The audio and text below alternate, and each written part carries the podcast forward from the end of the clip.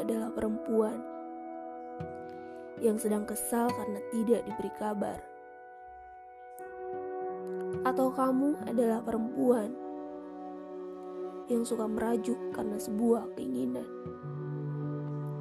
Sama seperti dia yang juga perempuan yang kadang menangis tanpa alasan, yang terkadang hanya ingin didengar dan hanya butuh sebuah pelukan.